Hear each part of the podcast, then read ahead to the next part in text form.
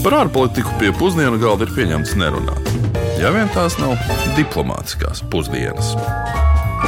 Esiet sveicināti, cienījamie radio klausītāji. Šīs ir kārtējās diplomātiskās pusdienas, uz kurām, kā vienmēr, aicinām jūs, mēs, Uģis Lībijams, Latvijas radio un dr. Kārls Bukovskis no Latvijas ārpolitikas institūta. Šodien mēs dosimies uz valsti, kas personīgi man asociējas ar kafiju, kafiju un vēlreiz kafiju. Bet par to vairāk deserta sadaļām. Un šodien dosimies mēs tepat Eiropā uz Albāniju. Nu, arī Albānijā neesmu bijis, nu, tikai atliek apstiprinoši pamatu ar galvu. Taču iespējams, ka šāds žests pašā Albānijā varētu tikt pārprasts. Tas tāpēc, ka Albānijā nē nozīmē jā, un galvas pašūpošana uz sāniem nozīmē apstiprinājumu, bet galvas palocīšana uz leju attiecīgi noliegumu. Jā, tagad es apjuku, kādā virzienā man galvu grozīt, jo, jo nu, atklāti sakot, īstenībā, viesoties Albānijā, es neko tādu īpaši nemanīju, jo ar tādiem īstiem vietējiem albāņiem tikties sanāca visai maz. Taču Nu, vienu gan man izdevās novērot, Albāņi ir ļoti viesmīlīgi un pretīm nākoši, un tā tiešām ir daļa no viņa kultūras mantojuma. Runājot par kultūras mantojumu, daudzos Albānijas reģionos joprojām ir spēkā paudžu paudzēs nodoties sociālās uzvedības principi, kur ietekmē faktiski visas dzīves jomas, sākot ar ģimeni, īpašumiem un sabiedrību kopumā. Līdz pat 20. gadsimta sākumā, apmēram 500 gadu garumā, šis tā dēvētais kanons, jeb kanons, tika mutiski nodots tālāk, un, lai arī tas neskaidrs juridiski saistošs, tā ietekme joprojām, protams, sabiedrības funkcionēšanā ir jūtama. Nu, es pieļauju, ka daudz no klausītājiem pirmajā brīdī pat neiztēlosies Albāniju kā potenciālo turismu galamērķi, taču ziemas pārņemtajiem latviešu prātiem var atgādināt, ka Albānijā ir vidēji 300 saulainu dienu gadā. Albānija atrodas pavisam netālu no Itālijas, un abas šīs valstis šķir tikai Adrijas jūra. Un tāpat Albānija dienvidos robežojas ar Grieķiju, bet līdz turistu iecienītajai Korfu salai ir tikai kādi 35 km. Starp citu, es nesen lasīju, ka Albānijā nesot atļautas ātruma laivas, lai neveicinātu nelegālo migrantu pārvadāšanu. Jā, nu, bet tagad gan paklausīsimies, ko par Albāniju zinās mums izstāstīt eh, kolēģe Riharda Plūmas Rīgas ielās sastaptie cilvēki.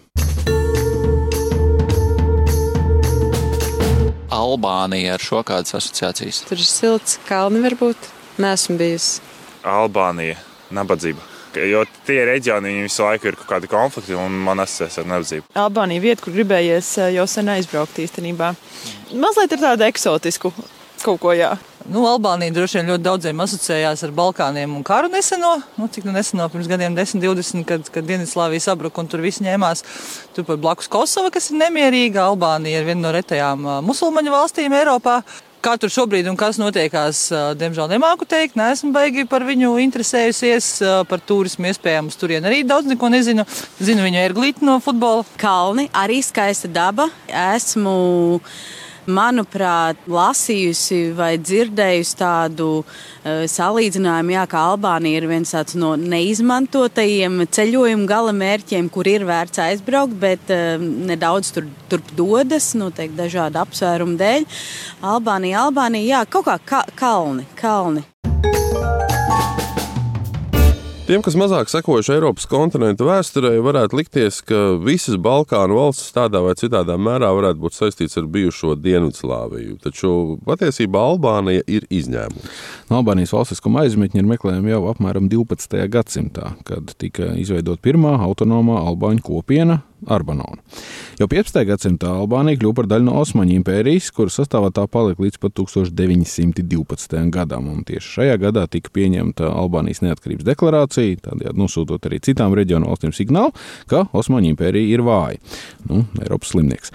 Šīs valsts dzīves ilgums gan nebija īpaši garš, jo jau 1928. gadā tika pasludināta monarhija, un šī Albānija jau aktīvi darbojās ar fašistisko Itāliju. Un, lai cik tas dīvaini neizklausītos, tad tieši fašistiskā Itālija iebruka Albānijā 1939. gadā, un karalis Zoks I bija spiests doties trimdā, no kurienes tā arī nekad neatgriezās. Itāļu diktatora Benito Musolīni īstenotā kampaņa bija ātra, un tās mērķis bija nu, gaužām vienkārši iegūt kontroli pār Albānijas ostām, tādējādi arī pārņemot kontroli pār piekļuvi Adrijas jūrai. Mūsu līnija gan veic arī īpašus, nu, ja tā varētu teikt, propagandas pētījumus, lai pierādītu, ka albāņu vēsturiski ir saistīti nevis ar dienvidslāviem, bet gan ar itāļiem, nu, jau kopš Romas impērijas laikiem. Nu, arī fašistiskās Itālijas valdīšanas laiks Albānijā nebija visai ilgs. Ar Dienvidslāvijas atbalstu veidotā komunistiskā partija Albānijā nāca pie varas 1944. gadā un valdīja līdz pat 1991. gadam. Un tiek uzskatīts, ka šajā laikā Albānijā valdīja viens no visnežēlīgākajiem un izolētākajiem režīmiem pasaulē, un tā priekšgalā bija premjerministrs un ārlietu ministrs Envers Hodža. Lai īstenot dažādas radikālas reformas, Hodžs piekopa pašu skarbāko staļinismu taktiku, un, nu, attiecīgi, varat iedomāties, viņi valdību ieslodzīja, sodīja ar nāvu un izsūtīja tūkstošiem zemes īpašnieku, reģionālo kopienu līderus, musulmaņu un kristiešu garīdzniekus un reliģiskos līderus un partija nelojālos zemniekus, kuri attiecīgi pretojās kolektivizācijai. Tiek uzskatīts, ka Hodžas režīma laikā valstī tika sodīti ar nāvi, noslapkavot, nomārdēti badā vai nodarbināti cietumos un darba nometnēs vairāk nekā 25 tūkstoši cilvēku, un vēl arī šobrīd 6 tūkstoši cilvēku liktenis nesot zināms. Tradicionāli komunistiskās partijas ir pazīstamas ar ciešām saitēm ar sev līdzīgi domājošiem režīmiem. Taču Envers Hodžs rīkojās pretēji un faktiski centās likvidēt jebkādas attiecības ar citām komunistiskajām valstīm, kuras pēc viņa domām varētu apdraudēt Albānijas suverenitāti. Nu, tā, piemēram, 1948. gadā viņš sarāva attiecības ar Dienvidslāviju, nodibinot aliansi ar Padomju Savienību, tāpēc, ka bija Josifs Staļina liels pielūdzējs. Fans. Pēc Staļina nāves gan šīs attiecības pasliktinājās, un 1961. gadā tika šīs attiecības arī pilnībā sarauc. Līdzīgs scenārijs tika īstenots arī sadarbībā ar Ķīnu, un attiecības tika pārtrauktas pēc Maudzeduna nāves. Jā, nu ar bijušo premjerministru Enveru Hodžu ir saistīts vēl kāds saudabīgs rekords. Paranoidāli baidoties no iespējamā iebrukuma valstī un iespējamā kara ar visiem, viņa valdīšanas laikā tika izveidot apmēram 750 tūkstoši bunkuru. Jeb, kā bija aprēķinājuši daži kolēģi, 24 bunkuri uz vienu kvadrātkilometru. Nu, attiecīgi, reiķinot tālāk, tas būtu pa bunkuram uz čet katriem četriem valsts iedzīvotājiem. Daudz gan dzīvē tā arī netika izmantoti to primārajam mērķim un šobrīd kalpo kā tādi nelieli muzeji. Nu, iesaku paskatīties bildēs tādas mazas apaļas būdiņas, gan kalnos, gan kur tāds diezgan pasmieklīgi. Bet uh, komunisma laiks valstī nes arī uh, milzīgas ekonomiskās pārmaiņas, un bagātajiem zemju īpašniekiem lauksaimniecības zemes tika konfiscētas un apvienotas kolhozos. Un faktiski tas padarīja Albāniju par pašpietiekamu, nu, vismaz pārtikas ziņā. Milzīgas investīcijas saņēma arī rūpniecības joma, un vienu brīdi 80. gados tieši rūpniecība nodrošināja pusi no valsts iekšzemes koprodukta. Nu, Pārējai no komunismu uz brīvo ekonomiku, protams, nu, kā daudz kur citur, ieskaitot pie mums, nebija viegla, un pagātnes radītās sekas ir jūtamas arī mūsdienās. Nu, Albānija arī šobrīd cenšas izmisīgi tuvoties Eiropas Savienībai par spīti tās mēģinājumiem reformēt savu ekonomiku. Eksperti norāda uz joprojām slikto un korumpēto valsts pārvaldi, nemākulīgo valsts uzņēmumu vadīšanu. Nu, piemēram, bieži vien valsts uzņēmumi ir parādā viens otram milzīgas summas un veidojas tāds kā apburtais lokus. Rezultātā Albānija joprojām ir viena no nabadzīgākajām Eiropas valstīm, un tās IKP uz vienu iedzīvotāju pēc pirmspējas paritātes ir ap 18,000 eiro. Nu, Latvijas šis skaitlis ir nedaudz vairāk kā divas reizes lielāks. Nu, šis varbūt arī varētu būt izskaidrojums tam, kāpēc ārpus Albānijas robežām dzīvo daudz vairāk albāņu nekā pašā valstī. Bezdarba līmenis Albānijā ir mērāms divciparu skaitļos, taču ārzemēs strādājošie albāņi sūta saviem radiem ārzemēs nopelnīto naudu, tādējādi stiprinot valsts ekonomiku. Un tas viss situācijā, kad Albānijā patiesībā ir vienas no lielākajām naftas rezervēm Eiropā, un valsts ir bagāta arī dažādiem citiem derīgiem izraktiņiem. Nu jā, jebkurā gadījumā vēl viena no lielajām motivācijām Albānijai sakārtot savu valsti ir vēlme iestāties tajā pašā jau iepriekš minētajā Eiropas Savienībā. Nu, šis process tika uzsākts 2009. gadā, bet kopš 2014. gada Albānija ir Eiropas Savienības kandidāta valsts. Pirms apmēram pusotra gada Eiropas Savienības un Rietumbalkānu reģiona samits pirmo reizi notika tieši Tirānā. Tādējādi vēlreiz sūtot signālu, ka Albānija Eiropas Savienībā ir gaidīta. Šeit gan droši vien jāatgādina, ka Albānijai nebūtu tās pašas draudzīgākās attiecības, piemēram, ar Serbiju, tostarp etnisko albāņu apdzīvotās Kosovas atšķelšanās dēļ. Arī dažādu etnisko nesaskaņu risināšana ir viens no mājas darbiem, kas jāpaveic valstī ceļā uz Eiropas Savienību. Un atšķirībā no sarežģītā ceļa uz Eiropas Savienību, Albānija jau kopš 2009. gada ir NATO dalībvalsts. Un šajos 15 gados Albānija ir pievērsusi lielu uzmanību savu bruņoto spēku pārveidēji par mazākiem un pilnībā profesionāliem spēkiem, kuri tad būtu spējīgi pilnībā sadarboties ar citām alianses valstīm un arī piedalīties alianses misijās. Nu, un viens no Albāņu solījumiem bija ievērojami samazināt valstī esošos munīcijas krājumus un samazināt arī munīcijas noliktavu skaitu. Nu, ar munīciju, starp citu, saistām arī Albāņu vienības dalību paplašinātajā kaujas grupā Latvijā. Atgādināsim, ka pirms pieciem gadiem, 2019. gadā, incidentā Ādažos gāja bojā tieši Albāņu izcelsmes atmīnēšanas vienības virslietnante Zarife Hasanaja, un vēl vairāki viņas dienesta biedri guva ievainojumus. Bet kamēr Albānija turpina rūpēties par savu sabiedroto, arī mūsu drošību, pašmājās tajā pēdējo gadu laikā ir nācies piedzīvot eh, visai izaicinošus brīžus. Nu, ja Austrumē Eiropā mēs esam pieraduši satraukties par Krievijas radītajiem militāriem draudiem vai Ķīnas radītajiem ekonomiskiem izaicinājumiem pasaulē, Albānija saskārās ar uzbrukumu no valsts, par kuras aktivitātēm nu, mēs vairāk esam pieraduši dzirdēt tuvu austrumu reģionu kontekstā. Daudz jau iespējams noprata, ka runa ir par Irānu un tās 2022. gadā veiktiem kiberuzbrukumiem Albānijas digitālajai infrastruktūrai, kas noveda pie diplomātiskā attiecību saraušanas starp abām valstīm. Iemesls tam bija ASV un apvienoto nāciju organizācijas 2016. gadā virzītais lēmums pārcelt uz Albāniju lielāko Irānas opozīcijas grupējumu Mujahedin El Hak, jeb MEK. Šis uh, grupējums, kas uh, savulaik bija iekļauts teroristu organizācijas sarakstos, sev pasniedz kā topošo Irānas trimdas valdību, kas paralēli dažādu politisko sanāksmu rīkošanai reiz pa reizē veic arī kiberuzbrukums uh, arī pašai Irānas Islāma Republikai. Nu, kā jau varējāt noprast, tad Irāna parādā nepalika un īstenoja neiedomājumu vērienīgu uzbrukumu Albānijai. Un par to mums vairāk ir gatavs pastāstīt uh, CERTLV kiberdrošības eksperts Andris Medjāns. Uzbrukumi tika vērsti pret digitālo kritisko infrastruktūru kā publiskajā, tā privātajā sektorā. Sākotnējā ielaušanās Albānijas valdības serveros notikusi jau vairāk nekā gadu iepriekš. Tā ļāvusi kibernoziedzniekiem iegūt pastāvīgu pieeju un ilgāk nekā gadu nemanītiem pārvietoties Albānijas iekšējās sistēmās, slepeni ievācot informāciju. Pirmais kibertrieciens tika veikts valsts portālam administrata.cl, kas ir analogs mūsu Latvijas LV, un turpinājās līdz jūlijam ar antiopozīcijas lozungus datorekrāniem un pilnīgu failu dzēšanu serveros, tajā skaitā policijas darbības daļai apstādināšanu. Tas ne tikai grāva Albānijas valdības reputāciju un paralizēja tās darbu, bet arī turpinājās ar publiski tīmeklī nopludinātiem klasificētiem datiem, ziņām par speciālo dienas darbiniekiem, augsta vadības līmeņa sarakstiem, banku un Albānijas iedzīvotāju finanšu datiem. Partneru valsts izvairījās no saziņas ar Albāniju, raizējoties par komunikācijas kanālu drošību. Izspiedē vīrusu un citu ļaunatūru daudzās bloķētās Albānijas valsts vietnes, kas nodrošina publiskos pakalpojumus, ne tikai darīja iedzīvotājiem nepieejamus šos servisus un radīja hausu ikdienā, bet arī pēc vietņu darbības atjaunošanas ļoti daudz albāņu dzīvi tika sabojāta ilgtermiņā. Jo neatgriezeniskas datuzēšanas dēļ vairs neeksistē daudz darījumu ar īpašumiem, reģistrētas dzimšanas, laulības, veselības notikumi. Albānijas kā valsts normāla funkcionēšana tika nopietni apdraudēta. Albānijas valdība sarāva diplomātiskās saites ar Irānas Islāma Republiku un lika visiem tās diplomātiem 24 stundās pamest Albānijas teritoriju. Tā bija līdz šim nebijusi diplomātsko attiecību pārtraukšana, kur izraisīja apsūdzību par kiberuzbrukumiem.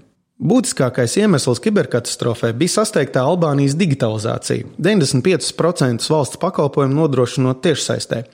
Tik augsta digitalizācijas pakāpe ir slavējama, taču tai jāiet kopsolī ar rūpīgi pārdomātiem un praksē ieviestiem kiberaizsardzības pasākumiem. Albānija pēc skarbās pieredzes veikusi plašus uzlabojumus savā kiberdrošībā. Valsts ieviesusi gan tehnoloģiskus, gan juridiskos uzlabojumus, ieguldījusi līdzekļus izglītībā un apmācībā, lai aizsargātu savus iedzīvotājus un uzņēmumus no kiberdraudiem. Kiberuzbrucēja inovācijas ziņā visbiežāk būs soli priekšā aizsardzībai. Tāpēc kiberdrošība nav gatavs stāvoklis. Tas ir nebeidzams nepārtraukts process, kurā visiem spēkiem jācenšas neatpalikt. Albānijas pieredze arī Latvijai atgādina. Par digitālo un tiešsaistes drošību jārūpējas visu laiku, un mums visiem, gan valsts sektorā, gan privātu uzņēmējiem, gan iedzīvotājiem. Regulāri jāatjaunina programmatūra datoros un viedierīcēs, jālieto vairāk faktoru autentifikācija. Kritiski jāizvērtē saites un pielikumi e-pastos, sociālajos portālos un saziņas rīkos. Jāsaglabā vispārējā modrība un kritiskā domāšana tiešsaistes vidē. Irānas uzbrukuma kontekstā interesanti gribētu vēl piebilst, ka reliģiskajā ziņā Albānija nemaz nav tik uh, tipiska Eiropas valsts, jo pēc dažādām versijām valstī ir no 60 līdz 80% musulmaņi. Albānijas konstitūcijā ir uzsvērts, ka valsts ir sekulāra un reliģiski iekļaujoša. Šī reliģiskā daudzveidība un mierīgā līdzās pastāvēšana iespējams arī ir saistāma ar komunistu valdīšanas laiku, kad reliģija Albānijā bija vispār aizliegta. Tādējādi Albānija toreiz kļuva par pirmo ateistu valsti pasaulē. Nu, ja runājam par reliģisku atvērtību, tad atkal no pieredzes var teikt, ka arī Albānijas galvaspilsētas Tirānas centrā blakus mošeju minaretiem slēdzas katoļu baznīcas, ebreju sinagogas. Toreiz tas bija tieši pirms Ziemassvētkiem, kad es tur biju. Un, un, un visas mošejas ir izrotātas ar eglīšu rotājumu un, un, un, un lampiņu virtenēm. Un, Un vēl kāds viens novērojums, albāņu musulmaņi arī nemaz nesmādēja cūgaļas desiņus, un to smaržu pilsētas centrā bija ļoti izteikti. Lai cik būtu paēdis, vienmēr ir vieta arī desertam. Un kā jau minēju pašā raidījuma sākumā, man Albānija asociējas ar kafiju. Ļoti stipru un garšīgu kafiju, kas, manuprāt, un arī albāņu prāt, ir labāka pat par izslavēto itāļu espreso. Kafijas dzeršanas tradīcijas Albānijā ir attīstījušās kopš Osmaņu impērijas laikiem, un joprojām mājās Albāņi lielākoties dzerot tā dēvēto turku kafiju. Ārpus mājām, protams, lielākoties tiek patērēts espreso pa piecām, sešām un vairāk tasītēm dienā. Tā varbūt tas vajag vienkārši ūdeni pieliet klāt, un tad var ilgāk dzert.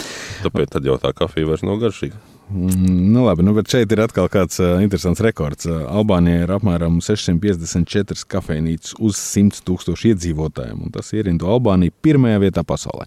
Šeit jāpiemina, ka šī, starp šīm kafejnīcām neatradīsiet pasaules slaveno Starbucks, un iemesls ir gluži vienkāršs. Albāņu kafija ir tik laba un tik lēta, ka Starbucks to vienkārši nespēja izkonkurēt. Jā, pielējot ūdeni, nekas labs tur nesanāks. Bet noslēgumā vēl Bet gribētu. Ilgāks un garšīgāks gan. nu, pilnīgi absolūti nepiekrītu šim apgalvojumam. Bet noslēgumā vēl gribētos pastāstīt par iespējams pasaulē slavenāko albāņu izcelsmes personu, par katoļu baznīcas mūķeni māti Terēzi. Viņa gan ir dzimusi Skopjē, kas tagad ir Ziemeļmaķedonijas galvaspilsēta, taču Kosovas albāņu ģimenē. Un Jau agros pusauģu gados Aņēze Gonģa Bojadžiu, kas ir viņas īstais vārds, izlēma kļūt par mūķeni un vēlāk uh, tika nosūtīta uz Indiju, Kalkutu. Un tieši šeit viņa izlēma pievērsties nabadzīgo cilvēku aprūpēšanai. Un 1950. gadā tika dibināts žēlsirdības ordenis. Nu, gan arī 40 gadus vēlāk, viņas nāves laikā šajā ordenī bija vairāk nekā 5000 mūķeņu, aptuveni 100 valstu, 600 patversmēs rūpējās par pamestiem bērniem, slimiem un veciem cilvēkiem. Savas darbības dēļ 1979. gadā māte Terēza saņēma Nobela miera prēmiju, bet pēc viņas nāves Romas pāvests Jānis Pauls II mūķeni sākotnēji beatificēja, bet pāvests Francisks 2016. gadā māte Terēza kanonizēja par svēto Kalkutas Terēzi. Nu, protams, netrūkst arī mācīt Terēzes kritiķi, kur norāda, ka par spīti miljonos eiro mērājumajiem ziedojumiem viņas vadīties klīnikās, tāpatās esot trūcis medicīniskās aprūpes. Nu, slimību diagnosticēšana arī esot bijusi ļoti vāja un trūcis medikamentu sāpēs esošiem cilvēkiem. Atbildot uz šo kritiku, māte Terēze uzskatīja, ka slimiem cilvēkiem ir jācieš tāpat kā Jēzum Kristum pie krusta.